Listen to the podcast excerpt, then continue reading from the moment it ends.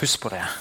At du er elska av Gud fordi at han er kjærlighet. Det er ingenting du gjør eller kan finne på eller ikke gjør som vil forandre på det. Du er elska. Og han elska deg så høyt at han ga hjertet sitt. Han ga sønnen sin. Ingen av oss forstår hva det faktisk innebærer. Å gi sønnen sin, sin egen sønn, for, si, for å berge sine fiender. Det var det egentlig Gud gjorde. Som Miriam sa her, vi er født i Guds hjerte, men så, så ser vi hvor fort ondskapen kommer inn i et menneskes liv. Hvor fort de lærer å gjøre det vonde. Ikke sant? Men når vi gjorde det vonde, når vi sto imot Gud, når vi forakta Han, når vi gjør opprør imot ham, når vi var Satans beste tjenere, når vi løy, når vi drepte, når vi kriga, når vi stal, når vi ødela hverandres liv og ødela den skapelsen som Gud hadde gjort, da sendte Gud så det mest dyrebare for å frelse oss. Så det var altså ikke på grunn av, men på tross av. Og, og jeg tenker det at La oss ha det perspektivet. La det synke dypt inn i mitt og ditt hjerte. Du er høyt elska av Gud. Så det andre som jeg kommer til å si i dag, som handler om et oppdrag som han har sendt oss til, så er utgangspunktet at det er ingenting du kan gjøre for å fortjene hans kjærlighet. Den er konstant. Den er gitt. Den er der uansett. Du er frelst av nåde ved tro. Selve frelsen er det ingenting vi kan gjøre noe med. Den er gjort. Vi kan bare ta imot den og si ja til Jesus. Det er fantastisk. Og det skiller kristen, sann kristen tro fra all religion. Det sanne evangeliet bryter også med kristen religion. Jeg skal forklare hva jeg mener med kristen religion. Kristen religion er at man har Jesus, man har Bibelen, men man bygger hele fundamentet på hva vi kan gjøre. Våre ritualer, våre regler, våre liturgier. På vår egen Og på det så bygger vi vår egen rettferdighet og vår egen frelse. Det er helt umulig. Vi vil mislykkes, garantert. Vi har allerede mislykkes, så det er ikke verdt å prøve engang. Men det ene alene er basert på Guds godhet, nåde, kjærlighet til oss. Og at han ga sin sønn. Som levde det livet og du ikke kunne leve. For oppfylte loven. Ga seg inn i mørket, inn i dødsrikets vold. Ga Jesus seg sjøl frivillig. For at jeg og du aldri skulle få oppleve døden. Aldri skal du oppleve døden om du tror på din Herre Jesus Kristus og følger ham. Og han sto opp igjen ifra de døde for at vi skulle få evig liv. At frykten og dødens makt ikke skal ha noe grep om oss, og at vi skal ha et evig håp. Det er evangeliet. Det er de gode nyhetene. Tilgivelse for mine og dine synder pga. det Jesus har gjort. Det er evangeliet. Det skal vi ikke legge noen ting til, og det skal vi ikke trekke noen ting ifra. Det er kjernen, substansen, i evangeliet. De gode nyhetene. Og Sist søndag så snakka jeg om det at jeg og du som troende så representerer vi Bibelen er veldig tydelig på det at vi har gått over fra mørket til lyset fra å være i denne verden og håpe at vi skal komme til himmelen, så er hele perspektivet vårt er forandra seg. For når vi er kommet til tro på Jesus og blitt nye skapninger i Kristus, så sier Bibelen veldig tydelig at vi er sendt ifra himmelen for å leve i denne verden. Med et oppdrag. Og Derfor så representerer ikke jeg og du her i denne verden, så representerer vi ikke først og fremst oss sjøl. Så når vi går ut med evangeliet, de gode nyhetene, så er det på vegne av Kristus. Og det tar litt av det stresset og den byrden av våre skuldre i forhold til hva som skjer, hvordan folk reagerer, hvordan folk gir respons osv. Fordi at vi har et budskap vi har fått hos vår mester. Og det skal ikke vi forandre på. Vi har ikke lov til å forandre på evangeliet. Paulus sa 'ved meg' om jeg noen gang skulle forkynne et annet evangelium.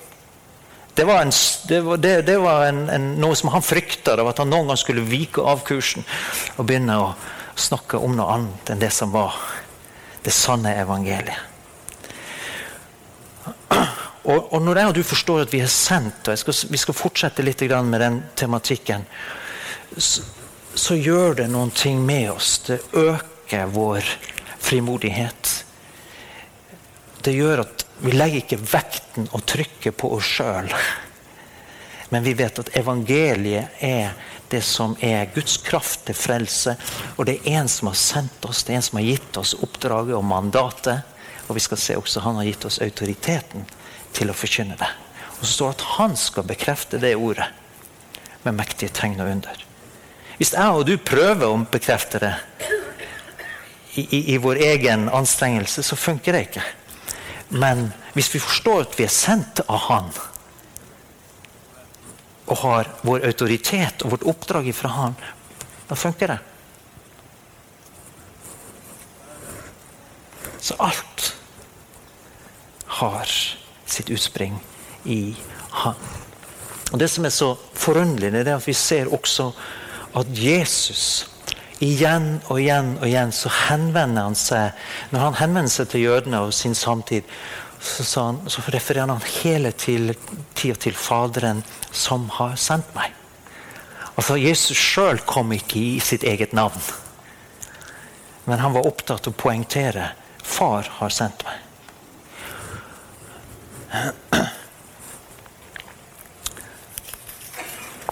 Og før, før, jeg går videre i, i denne prekena, så har jeg lyst til at dere skal få høre fra eh, et ektepar, og, og eh, også få Jonny Karlsen og fra Åshild og Arvid her, som er mennesker i denne menigheten, som har en brann i sitt hjerte for at, men, for at evangeliet, de gode nyhetene om Jesus, skal nå ut til mye mennesker. Det fins så mange forskjellige måter Gud leder oss til å bruke oss for å få ut dette budskapet. For å ta hånd om mennesker. Og Jeg har lyst til at dere skal få høre ifra dem. Hva, hva, er, de, hva er det som brenner på hjertet? De, men husk det, de representerer ikke seg sjøl. De representerer Mesteren, kongenes konge, Herrenes herre. Og så er de en del av menigheten, og så er det ut ifra det oppdraget vi har, så jobber vi ut ifra den personlighet, ut ifra de gaver, ut ifra den, den vi er. Aldri sett mennesker opp imot hverandre eller sammenligne eller si det er mer verdt enn det, eller han er bedre enn hun. Nei, jeg forbyr det. Vi forbyr det. Det har bare at vi alle går for det vi er sendt til å gjøre, på vår måte. Er dere enig i det? Har dere lyst til å høre fra det? Ja. Skal vi begynne med Arvid og Åshild? Kan dere komme og fortelle litt om denne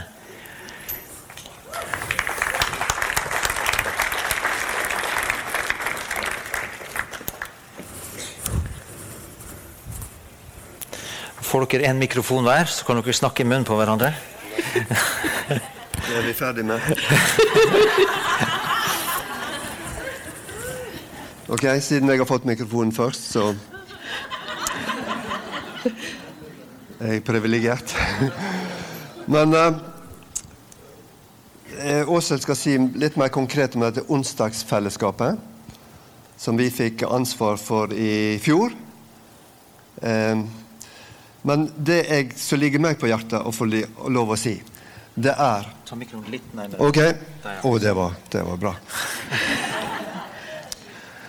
Det mest verdifulle vi har, er Guds ord.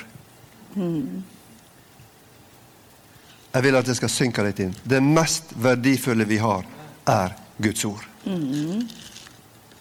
Det fins ingenting rundt oss av det vi eier, av det vi ser, av det vi har lyst på, av det vi kan tenke oss, som er mer verdifullt enn Guds ord. Og hør hva Johannes skriver i sitt andre brev. Første brev og kapittel to. Jeg skriver til dere unge. Agnar, vi er unge. Ja, vi er blant de. Ikke tenk om deg sjøl at du er gammel. Ja, jeg føler meg. Nei, vi føler ikke. I Guds rike føler vi ikke. I Guds rike er det Guds ord som gjelder. Johannes skriver, 'Jeg skriver til dere unge'. Dere er sterke. Og så kommer det Guds ord blir værende i dere, og dere raserer over den onde. Derfor er vi sterke. Amen. Vil du ha et stabilt liv? La Guds ord bli værende i deg. Amen. Ja. Jeg har mikrof egen mikrofon. Heldig du er. Um, da vi fikk spørsmål i fjor om å ta over onsdagsfellesskapet, så gikk jeg inn til Gud. Gud, dette her må jeg vite. Er det noe du vil? Og så svarer Gud på et vers som jeg ikke har lagt merke til før. Og det er i denne apostelgjerningene 2, 44. For der står det De som trodde, var sammen. Og jeg begynte å meditere på hva vil det si å være sammen. Og så står det en fotnote under i min bibel. Det var fast uttrykk for menighetssamling. Og jeg kjente ja. En dag, onsdag klokka 11, da er vi sammen, vi som tror. Og er det noen som ikke tror, som har lyst til å være der, så er de hjertelig velkommen. Men da er vi sammen, vi som tror. Og jeg eh, tenkte på disse ungdommene som sier at de skal henge. Vi var der, altså. Da henger vi i Kredokirken. Det vil si at vi prøver ikke å ha fast program, fordi at her er det lemmer på Kristi legeme som kommer sammen. Og så har Gud lagt noe ned i meg, og så har han lagt noe annet ned i Toril. Og så har vi Lillian, og så har vi Torbjørn. Gud har lagt litt forskjellige ned, og så har han lagt forskjellige åpenbaring ned i hver. Og når vi går sammen, så deler vi liv. Vi deler det som Gud har gitt oss. Og så ber vi, som det står. Og så har vi kaffe. Vi serverer ikke mat, men kafeen er åpen. Om onsdagen så lager Nanita fantastiske vårruller. Bare sånn parentes. Og så kan noen ha med seg matpakke. Altså, det betyr ikke noe. Det betyr at vi er sammen. Og så deler vi liv. Og så betyr det ikke at du må være medlem av Kredokirken. Du tror. Og du vil være sammen med andre kristne. Og du vil gjerne ha del i det som andre har fått del i. Og på den måten så vokser vi. Og jeg blir, uansett hvor mange vi er, jeg blir så velsignet hver gang fordi at Guds ord blir løftet opp. Vi, jeg blir velsignet av det som Gud har åpenbart for en annen, og så blir jeg velsignet av det jeg deler sjøl. Og så blir jeg, for vi deler liv, og når vi deler liv, så blir vi alltid, alltid oppmuntra. Uansett hvem som deler. Fordi at vi har denne boken her. Og eh, det er det vi samles om. Så velkommen klokka 11. Eh, så er vi på opp trappen ved siden av kafeen. Der går det en trapp opp, og så til venstre. Når det ikke er seniortreff. da er vi i sidesalen her inne ved siden av. Og så er du velkommen. Dette her er ikke cellegruppe, så du har ingen forpliktelser. Og for noen er det skremmende at det er så Kanskje det er så få at det er litt gjennomsiktig. Men kom og vær den Gud har gjort deg til. Beskjeden, utadvendt. Det som Gud har gjort deg til, skal du få lov til å være. Amen. Ja. Kjempebra. Tusen hjertelig. Tusen hjertelig takk. Hæ? Ja. Så Øy- Øyvind hadde lyst til å be for meg. Ja, så eh, Kan dere bare bli med oss? Halleluja, far. Først og fremst vil vi takke deg for Per Ove. Vi takker deg for det du har, gjort han til. Takker deg for det du har lagt ned i hans liv. Takker deg for det oppdraget du har gitt han. Og nå ber vi for denne turen han skal ha til Irak. Vi ber om din beskyttelse, at du skal rydde vei og åpne døra for ditt ord, for din velsignelse. Og så ber vi, far, om at du sender han nå med en fylde av din velsignelse inn i Irak igjen. I Jesu navn. Amen. Amen. Tusen hjertelig takk. Takk skal du ha.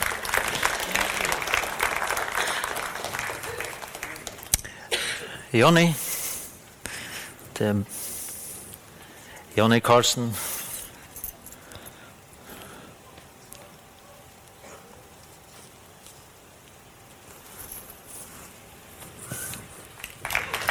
Amen. Ja, jeg eh, står sjelden her, da, men det er litt kjekt òg. Eh, og Per Ove sa du kan bare bruke den tiden du vil, og det skal jeg. Nei da. Han sa du bare bruk den tiden du vil, og det, det kommer jeg til å gjøre. Kanskje du må sitte på bremsen, men det er greit. Eh, først og fremst vil jeg si at eh, vi skal ha noe som heter alfakurs. Og det er, altså Alfa det er jo begynnelse. Det er jo ikke noe sånn at du forstår alt. Mange, tro, oh ja. Mange mennesker tror det at de må forstå alt for å bli en kristen, men eh, det er helt uh, feil. Den gangen jeg ble en kristen, jeg forsto ikke så veldig mye. Men uh, jeg ble frelst for det. Men så forstår jeg litt mer etter hvert.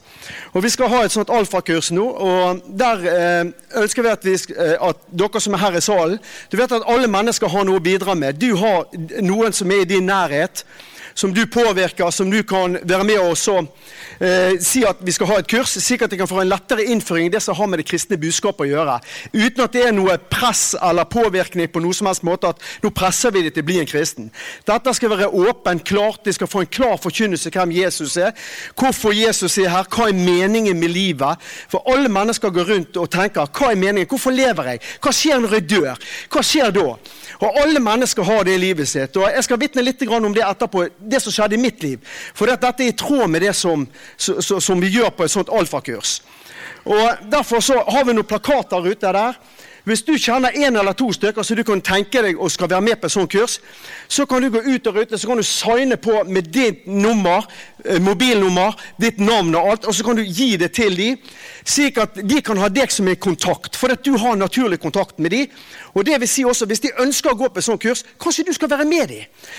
At det er noe det å tråkke ut og gå ut alene inn i en menighet. Nå skal vi ha flere forskjellige kurs. Det skal være hjemme hos noen, og så noe blir her. Vi må bare se hvor mange som kommer. Slik at du gjør det lettere for disse som kommer, så kan du si 'jeg kan være med deg'. For det er, det er noe, og det opplevde jeg i mitt liv også. Det var en som fikk meg med. Jeg var bundet av frykt. Jeg var dyppet i menneskefrykt. Skal jeg si deg en ting? Jeg hadde aldri tørt å stått her oppe. Du vet ikke den forandringen Gud har gjort i livet mitt. Det er helt hårreisende hva Gud kan få gjøre i menneskers liv. Altså, I menneskers liv som sier ja til han, så kan han sitte i fullstendige frihet. Men det kommer til å koste dem også noe. For Jesus sa det at hvis du vil berge ditt liv, da skal du miste det. Men vil du miste det for mitt navns skyld, da skal du finne ditt liv. Og det var det jeg gjorde. Jeg mistet det så grassat. Han klappet ikke på meg med silkehansker, men han tok meg tøft. Og det som skjedde, var det at han satte meg fri. Og det er det som er greia. Nå sier jeg ikke at Gud behandler alle på samme måte. Vi er forskjellige mennesker. Og det vi har hørt her, det er det at at Vi er forskjellige, vi har forskjellige gaver. Og du kan tenke De sier at vi er syv milliarder mennesker. Og Det står én ting i Guds ord. Det er ganske interessant. Da snakker vi om dimensjoner. Da snakker vi om en stor Gud. Og vet du hva Det står Det står hos hver enkelt gir åndene seg til kjenne slik at det blir til gagn. Skal jeg si deg en ting? Gud har deponert noe ned i ditt hjerte, så det blir til gagn for andre mennesker. Du kan tenke deg, Er det syv milliarder mennesker, så kommer Den hellige ånd til å ut, uttrykke seg på syv milliarder måter. Forstår du det? Og Det sprenger sikringsskapet. Hovedsikringen ryker. Alt forsvinner. Bisikringen ligger og flaprer. Jeg skal si deg en ting. Guds rike er så sterkt, det er så mektig. Halleluja. Og Det var det jeg opplevde den gangen jeg ble frelst. Skal Jeg si det, jeg vokste opp med en familie. Min far drakk seg øl da jeg var tre år. Jeg skulle fylle fire. og Det var et, utrolig tøft for meg. Jeg, jeg slet med dette i mange år som kristen. Min far drakk seg en med mor ble sittende hjemme med seks unger alene. Fire bleiebarn, to utviklingshemmede brødre. Og det var et forferdelig greie. Hun fant seg en annen type, og det gikk rett vest. skal jeg fortelle deg. Han brydde seg ikke om oss i det hele tatt. Og jeg husker han bar meg, han slengte meg veggimellom, han løftet meg etter håret, slengte meg gjennom stuen. Og jeg skal si deg en ting, Det var full, det var elendighet i det hjemmet. Det var helt forferdelig. Jeg husker jeg var ganske liten. Jeg løp ut, jeg sa til Gud at 'Hvorfor tok du min far bort seg?' Så opp mot himmelen. Det var julaften, og da fikk jo ikke han presanger fra familien sin. Og det gikk jo utover oss. En voksen mann. Og det var helt forferdelig. Og Jeg løp ut og ropte til Gud, og det jeg kjente, jeg kjente at det var et nærvær av Gud der. Jeg kjente at Gud var der. Men jeg forsto ikke hvordan jeg skulle bli en kristen. Og Jeg husker jeg gikk inn igjen, jeg kjente det var akkurat som et ullteppe lagt rundt meg. Det var en sånn fred, det var et sånt nærvær. Men så gikk jeg min egen vei. Jeg ble sint. Jeg ble... En dag så tok jeg og drakk med full hivje med noe stoff. Jeg klinket fyren i bakken, og så en gang til du legger hendene på meg, så knuser jeg deg. Bare sånn at du vet det. Jeg var 16 år gammel. Etter det gikk jeg og kom og gjorde det jeg ville. Jeg brydde meg ikke om noe som helst. Men det som skjedde, var det at jeg Det kom en sånn tomhet over livet mitt. Og jeg var så bundet av frykt. Og det står nå i Guds ord at synderen ble forfulgt selv om ingen forfølger han. Og jeg kjente at det var noen som forfulgte meg. Og så begynte jeg på en voksenopplæring ute på Sotra. Og Der var det en kar. Han var blitt helbredet fra en fallesyke. Han hadde drukket mye alkohol. Knærne knakk under han har falt i bakken. Han begynte å vitne for oss om Jesus. Og jeg kjente at denne karen her, han hadde noe. For han hadde møtt Jesus. Du vet at du har noe fra Jesus. Og mennesker som kommer i kontakt med deg, de kjenner de at, du, at du har noe. Jeg vil oppmuntre deg. Du har mer enn det du kan fatte og begripe. Men du må åpne munnen din, vet du. Så de kan få tak i det. Og det som skjedde var Han vitnet om Jesus og inviterte meg med på et møte. Og jeg tenkte ja, jeg har prøvd stoff, jeg har prøvd det ene og det andre. Kamerater av meg gikk i klassen min, de tok overdose, de døde. Jeg tenkte skal jeg bli 20-25, så dør jeg. Så er livet over. Nei. Livet er mer enn det. Det må være noe mer. Jeg visste at Gud var der. Jeg visste det, men jeg forsto det ikke. Og loven jeg kunne bare glemme. Den har du jo aldri greid. Jeg har jo knust at det pinneved for lenge siden. Og det som skjedde var at Han inviterte meg på et møte. Og Det var snakk om politikk i Midtøsten. Jeg gikk ut fra det møtet og tenkte det klikket for hele gjengen. I alle dager! Politikken i Midtøsten! Jeg satt der og var dypt nede. Jeg var så full av frykt, og jeg hadde sånne store problemer med meg sjøl. De var på en helt annen planet enn der jeg var.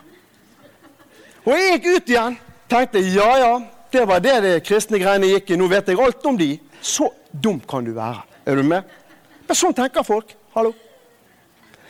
Og så ute på skolen der, og så hadde vi drukket ganske mye og festet. og jeg, ble, jeg, fikk anmeldelser på med flere politianmeldelser for å bli beskyldt for et innbrudd.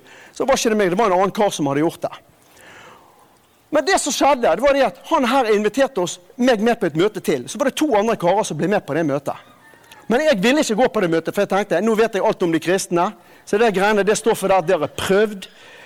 Det hjalp jo veldig lite. Jeg ble bare frustrert. Så jeg sa nei, jeg blir ikke med seg. Så jeg gikk opp igjen på rommet mitt, og så satt det, eh, og de andre gjorde seg i stand og skulle gå. Så talte Gud til meg. Helt fantastisk. Så talte jeg, jeg har hørt at djevelen sier 'gjør innbrudd'. Jeg gjør det. Og Rett før dette her, så gjorde vi et innbrudd på en skole og stjal haug med ting. Så kom vi til Sotraboen. Jeg var ikke frelst engang. Kan Gud bruke det? Ja visst kan det. Kom vi til Sotraboen og sa gutta, snu bilen, vi kjører tilbake seg. Så kan du begynne å lure. Er de utenfor? Vet de hva det går i? Ja, hallo, de er jo ikke dumme. De vet inderlig godt hva dette går i. De vet inderlig godt. De vet hva som er rettferdighet. De vet hva er rett og galt i livet. Visst vet de det. De er jo ikke dumme, vet du. Jeg var jo ikke dum. Og det som sa det, var det at de gikk ut i bilen de skulle kjøre, og jeg eh, Og, og eh, rett før det igjen så lå jeg hjemme og var på fylla rett før det. Det er en ganske sterk historie. Det som skjedde, det var det at om kvelden så skulle jeg ligge meg, jeg fikk ikke sove. Så sto det et vesen borti rommet. i ene hjørnet. Var jo djevelen sjøl. Jeg skal si deg at jeg har aldri frøst så mye i hele mitt liv. Jeg skrek og ropte til Gud i min nød. Og det som skjedde, Jeg kom ut igjen på den skolen 14 år etterpå. Så lå jeg på et internat sammen med en annen type. Han lå, på, han lå i underkøyen eller overkøyen. Så kom det samme vesenet inn i rommet 14 dager etterpå. og hvem trodde det var djevel? Vet du hva jeg sa til han? Om morgenen så sa Kjente du hva som var i dette rommet her i natt? Ja, sa han. Jeg griner bare til Gud. Ja, det gjorde jeg også. Ingen av oss var frelst. Det var en sånn åndskamp om livet ditt. Det var en sånn åndskamp om at jeg ikke skulle overgi meg til Jesus, at det var helt voldsomt. Og, og det som skjedde, var det at jeg satt oppe på rommet der. Han og karen de gikk, skulle gå ned til bilen. Så talte Gud. Og han her var ganske ny på veien. Så talte Gud, Han visste ikke helt hvor dette møtet var, for han var vant til å gå på møte i byen. Så sier, han, så sier Gud til meg Jonny, du skal være med og vise deg veien til det møtet. Så sa ja, men Gud, jeg vet ikke hvor det møtet er engang. Null peiling, seg. Fikk jeg et syn. Skal ligge oppi en dal, Blomsterdal. Skal ligge inne i en sving der. Skal være sånn og sånn. Ligger der oppe. Ok, Gud, sa jeg. Tok jeg jakken, løp ned og sa gutta, jeg blir med dere og viser veien til det der møtet. Så kommer vi opp på det møtet der. Og Der var det en familie som var blitt helbredet for epilepsi, fallesyke og, og, og, og, sånn som det der. Og mor, de, de, døpte seg alle fire, og moren lå og ropte i dåpsgraven på Jesus. Og det var et sånt nærvær der inne. Jeg ble slått fullstendig ut. Jeg sto stiv som en stokk. Jeg knøt alle magemuskler. For ikke Tårene sto der. Jeg sto sånn og blåste for at ingen skulle se at det var noe som gikk over kanten og ned. Fordi at gutter skal ikke grine, vet du. Du skal ikke vise følelser. Og jeg kjempet, jeg knøt alt jeg hadde av muskler. Og så kommer han predikanten ned i slutten av møtet. Det var 200 mennesker der. Så kommer han ned midtgangen mot oss.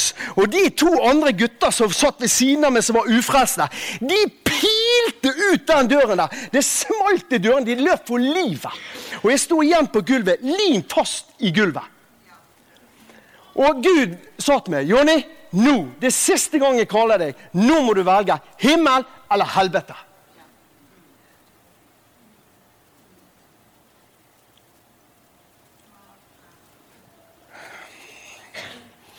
Og da tenkte jeg Vet du hva? Jeg kjente en sånn godhet, jeg kjente en sånn kjærlighet. at dette kan ikke jeg stå imot. Det er komplett umulig å stå imot noe sånt som dette. Og Så kommer predikanten der, de peiste ut. Så kommer han ned til meg. Så sier han, 'Tror du at Jesus døde for dine synder?' Eh, ja, sier jeg. 'Tror du at Gud oppreiste ham for døde?' Eh, ja, sier jeg. da er du en kristen. 'Hæ?' sa jeg. 'Er det så enkelt?' Nei, gi deg! I'm the man. Skal ikke vise et eller annet, skal ikke imponere Gud, skal ikke gjøre et eller annet triks. Skal ikke vise at jeg er god nok. Det var jo det jeg trodde, det var det jeg følte. Nei, sa han. Og så bare kjente jeg i mitt indre Jesus, så begynte jeg å føle for Jesus. tenkte jeg, vet du hva, Dette er urettferdig. Dette er så urettferdig. Her skal du bære all verdens synd. Jesus, jeg skal hjelpe deg. Jeg skal ta litt. Jeg skal bære litt. Jeg skal ikke gi deg alt, Jesus. For Jeg, begynte, jeg syntes det var rett og slett synd på ham. Jeg syntes dette var ikke rettferdig. Og det var som Per Ove sa, er det rettferdig? Nei, det fins ikke rettferdig i det hele tatt. Det er pga. han elsket meg fra evighet av. Det er fordi at han var så glad i meg. Han ga meg ikke opp. Han elsket meg.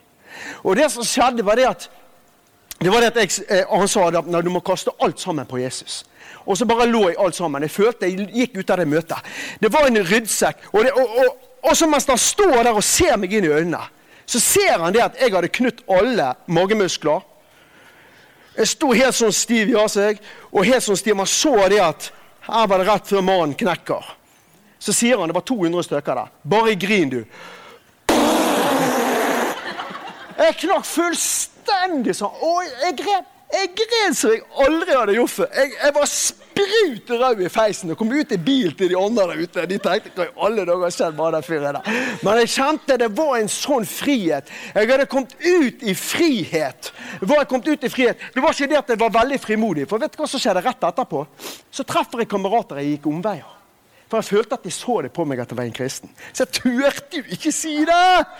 Jeg var så bundet! Jeg var så bundet det var helt forferdelig! Og du vet det at selv Jesus han gikk her i 30 år. Han kunne ikke gjøre noe som helst. Han så på all elendighet.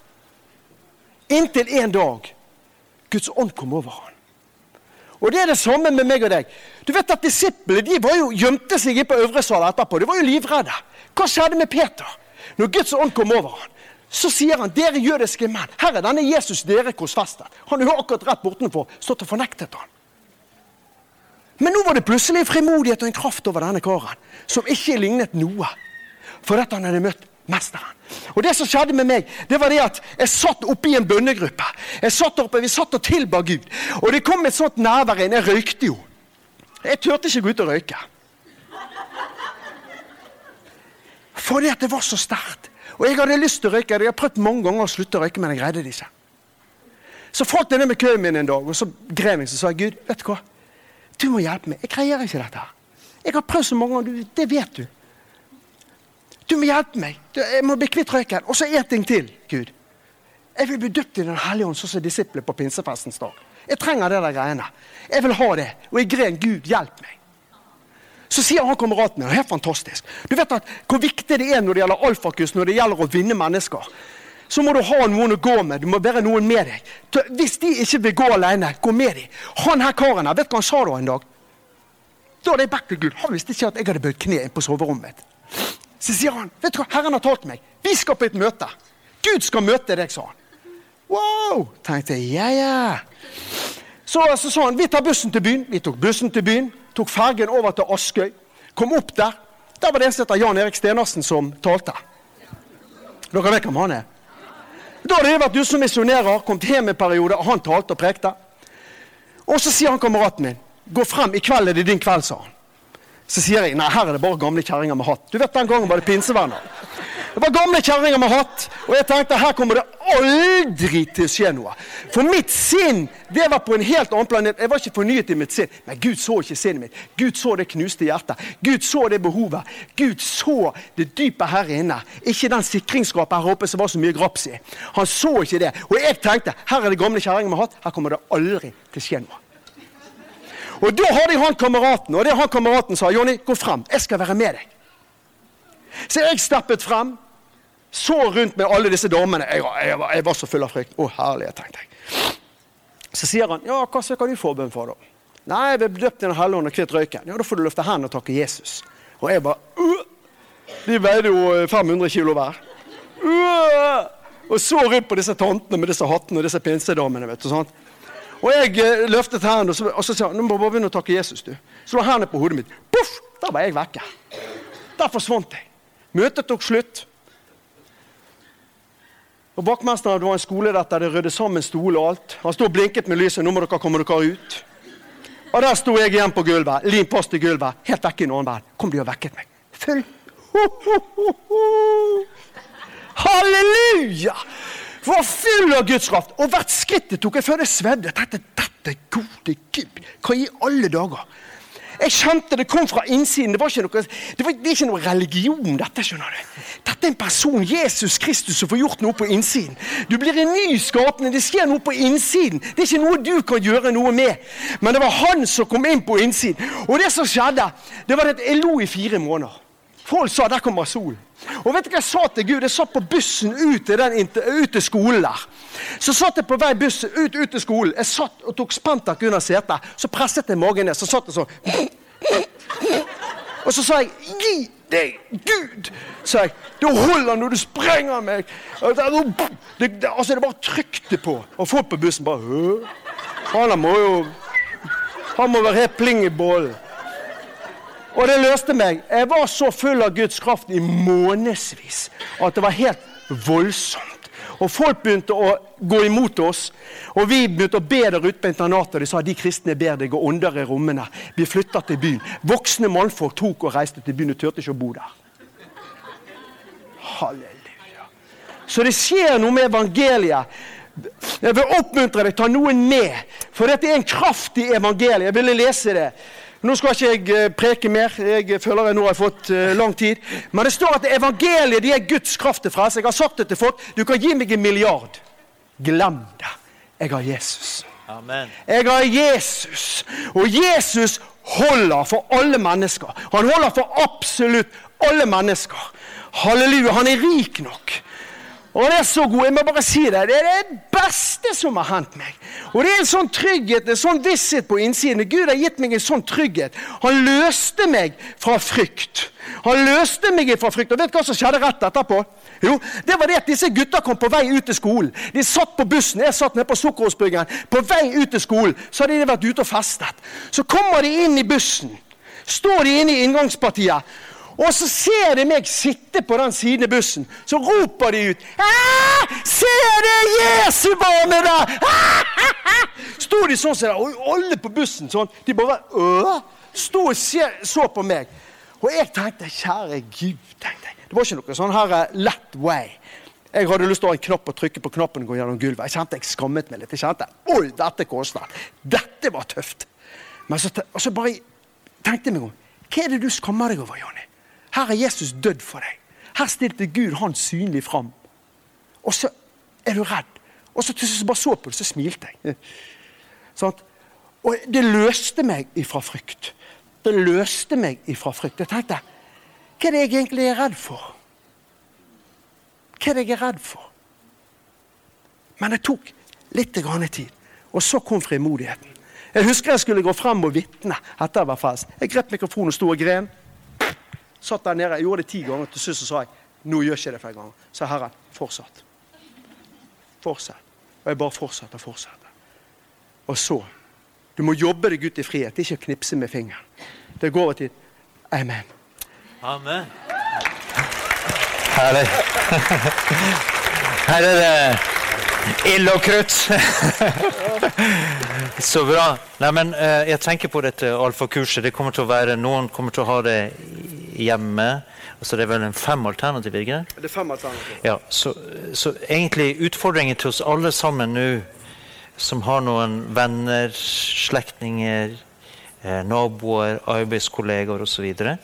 Vi skal ha denne velkomstmiddagen da den eh, tirsdag den 22. oktober. Klokka, sy, klokka 18, ja. Klokka 6. Og det, der blir hele kurset på en måte presentert med, med innhold og sånn. Så ta med deg en, en venn dit. Og så eh, vil de på en måte melde seg på. Det er helt fritt om de vil melde seg på eller ikke. Det, den avgjørelsen tar de der når de får presentert kurset. Så, så sett målet mot, mot den uh, tirsdagen 22. oktober. Inviter mer enn noen. Og så ser vi hvor mange det blir, og så blir det da antall grupper og sånn ut ifra det. Så vil det pågå til litt ut i januar eller noe sånt. Men alle detaljer rundt det her blir presentert. Takk skal du ha, Jonny. Kjempeherlig.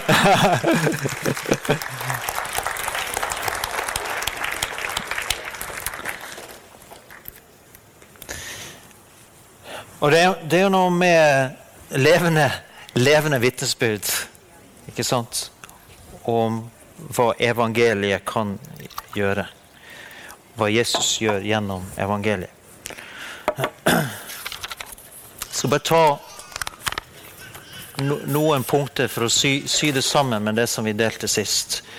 For at igjen, når vi skjønner det at det er Jesus som har sendt oss til denne verden med evangeliet, så er ikke fokuset på mine og dine problemer eller mine og dine svakheter eller mine og dine styrker, for den del. Men vi har fått et oppdrag på vegne av Han til å gi de gode nyhetene til mennesker. Og døra inn til et menneskes hjerte er på mange forskjellige måter. Men jeg ser bare enkel, vanlig godhet, vennlighet, omsorg for mennesker åpne opp for at de de kan høre budskapet, for det er budskapet som evangeliet, når det blir tatt imot, det er det som kan frelse et, et menneske. Og Det var det som, som jeg tenkte på, til og med Jesus poengterte dette her. Fordi at jødene var sånn at når de hørte at han var sendt av Gud den høyeste, så spissa de ørene.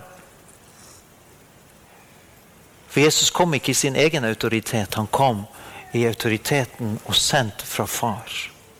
Bare sånn som I Johannes eh, evangelium kapittel 17 så ser vi det at Jesus gjentar dette her. For timen er kommet, herliggjør din sønn, så sønn kan herliggjøre deg. For du har gitt ham makt over alle mennesker, for han skal gi evig liv til alle som du har gitt ham. Og dette er det evige liv, at de kjenner deg, den eneste sanne Gud, og ham du har sendt. Jesus Kristus, ham du har sendt. Vers 8. For jeg har gitt dem de ord du ga meg, så du har tatt imot dem. Nå vet de i sannhet at jeg er utgått fra deg, og de har trodd at du har sendt meg. Poenget var at de skulle tro at han var sendt av far. 15, 19 står det at sier Jesus, jeg ber ikke om at du skal ta dem ut av verden. Nå snakker han om disiplene og også oss. Jeg ber ikke om du skal ta dem ut av verden, men at du skal bevare dem fra det onde. De er ikke av verden, slik jeg ikke er av verden. Bare legg merke til den setningen som Jesus sier. De er ikke av verden, slik jeg ikke er av verden. Ja, men så sier du ja, men lever vi ikke i denne verden? Jo, vi gjør det.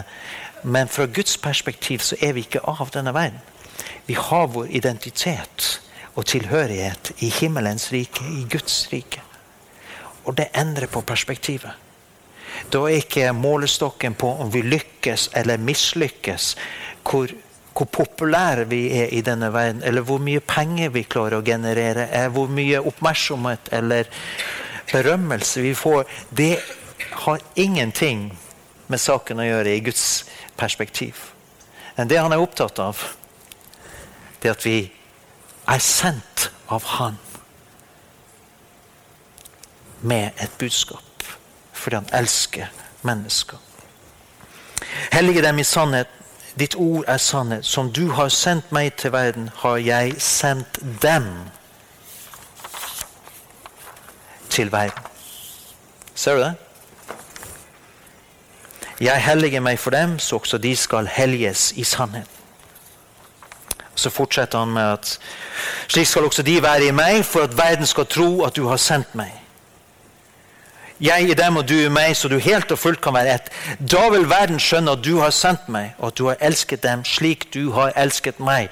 Fatte det, som, den som kan. Slik som Gud, Faderen, elsker Jesus, på samme måte elsker han deg.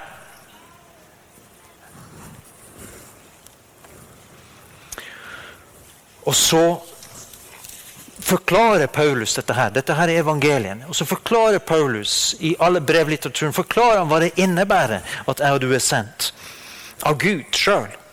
2. Korinterbrevet 5,20 så står det Så er vi da utsendinger for Kristus.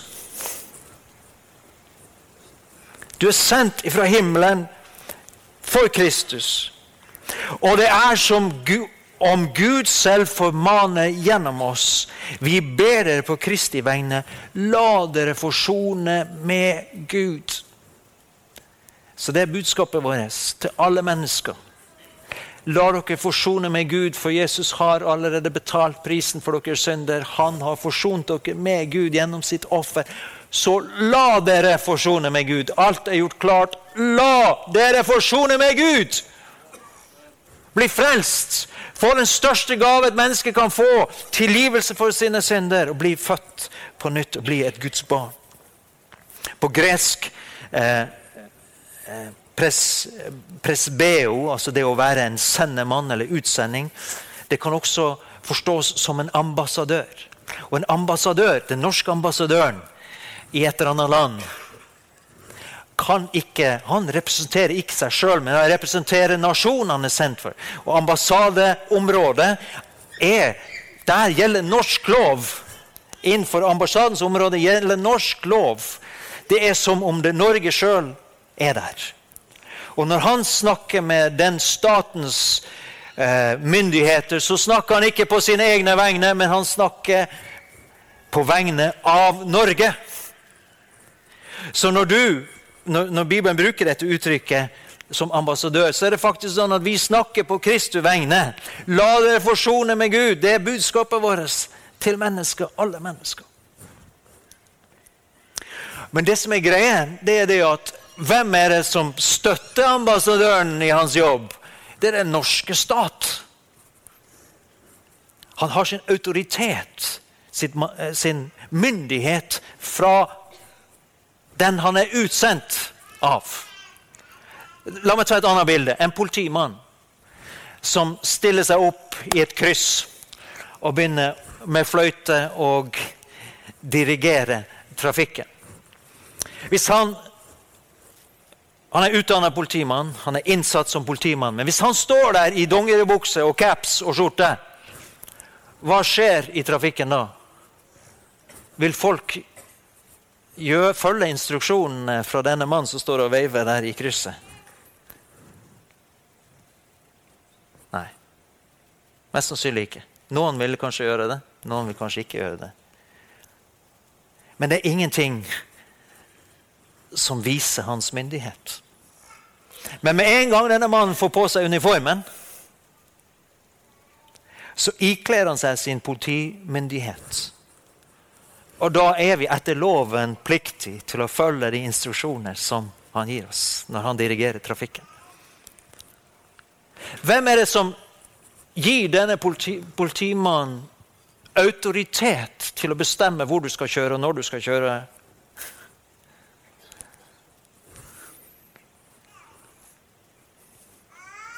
Hvorfor må vi følge hans instruksjoner?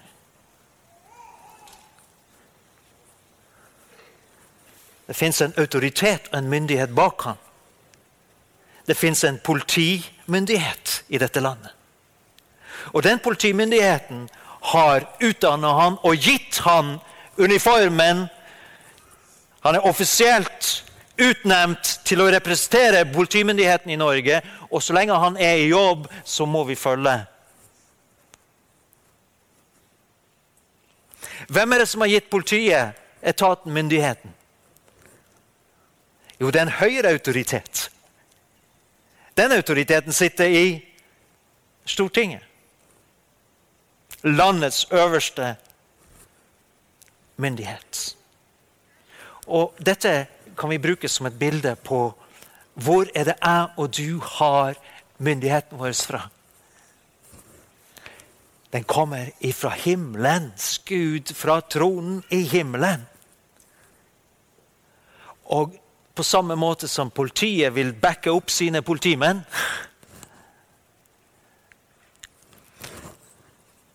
Og Stortinget vil støtte politiet, for de har gitt dem ved lov denne makten. På samme måte kommer himmelens Gud til å støtte deg og meg i dette området i dette oppdraget med å formidle de gode nyhetene. Er det noe Gud stiller opp på, så jeg det. Gud er ikke forplikta til alle våre påfunn.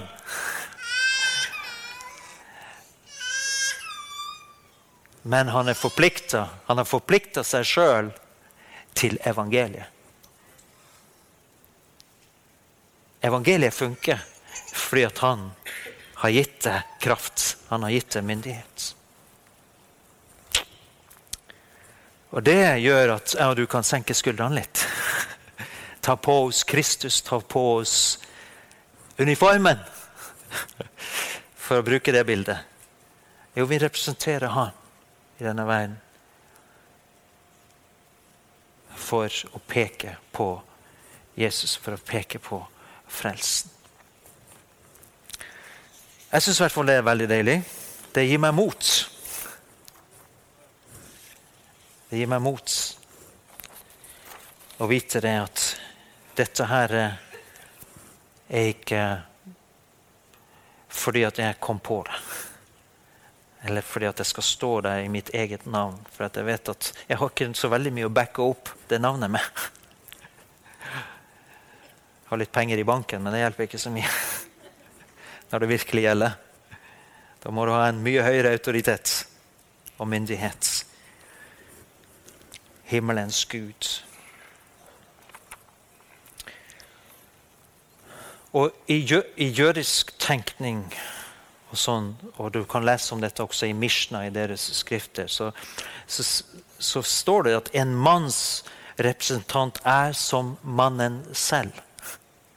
Og Det er faktisk så langt Jesus har gått når han har gitt oss myndighet. Han sier det er som at jeg sjøl er der.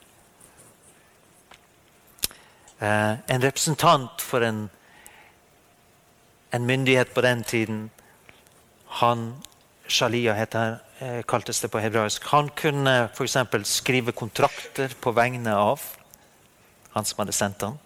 Han kunne til og med inngå forlovelser eller bryte et ekteskap på vegne av noen andre. De, til og med var det sånn at de også kunne sende en til å ofre i tempelet på vegne av eieren. Og det var regna som full godt. Så så mye har Jesus investert i meg og det. At han backer oss opp fullt og helt. For han elsker oss, ja, selvfølgelig, men også i det oppdraget jeg har fått.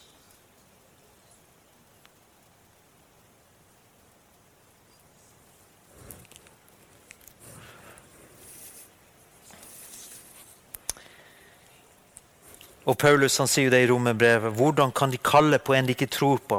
Hvordan kan de tro på en som de ikke har hørt om? Og Hvor kan de høre dersom ingen forkynner?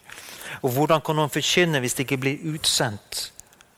Og Dette ordet her, apostello på gresk, det, det har denne innholdet i seg. Utsendt med myndighet. Med et oppdrag som er backa opp av den høyeste autoritet.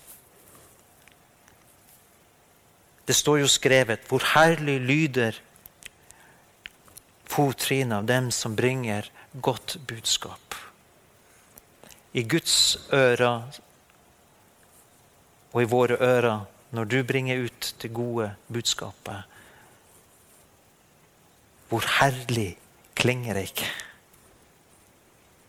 Hvor herlig klinger det ikke?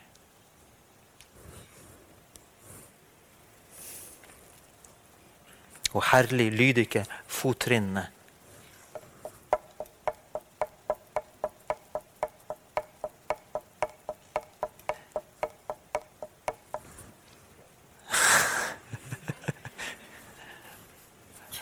Som bærer godt budskap til mennesker.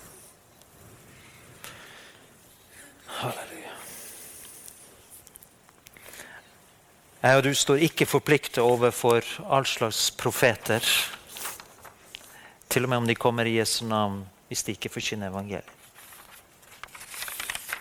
Det fins mange falske såkalte kristne profeter som forkynner et annet evangelium. Populær, I populærkulturen i Norge i dag fins det falske profeter med et skinn av kristenhet, men de forkynner ikke evangeliet tror kanskje ikke at Jesus fysisk døde på et historisk tidspunkt. Jeg tror ikke at Jesus fysisk sto opp igjen fra de døde. Så kanskje det er bare en fortelling. Det er en falsk profet som sier sånn. Vi har ingen forpliktelse overfor sånne budskap. Filosofer, influensere, bloggere, samfunnsvitere de kommer alle i sitt eget navn. De har ingen makt eller myndighet fra Gud. Vi har ingen forpliktelser overfor sånne budskap eller ideer. De skal vi ikke lytte til. Men vi skal lytte til hva Bibelen sier. Hva er evangeliet?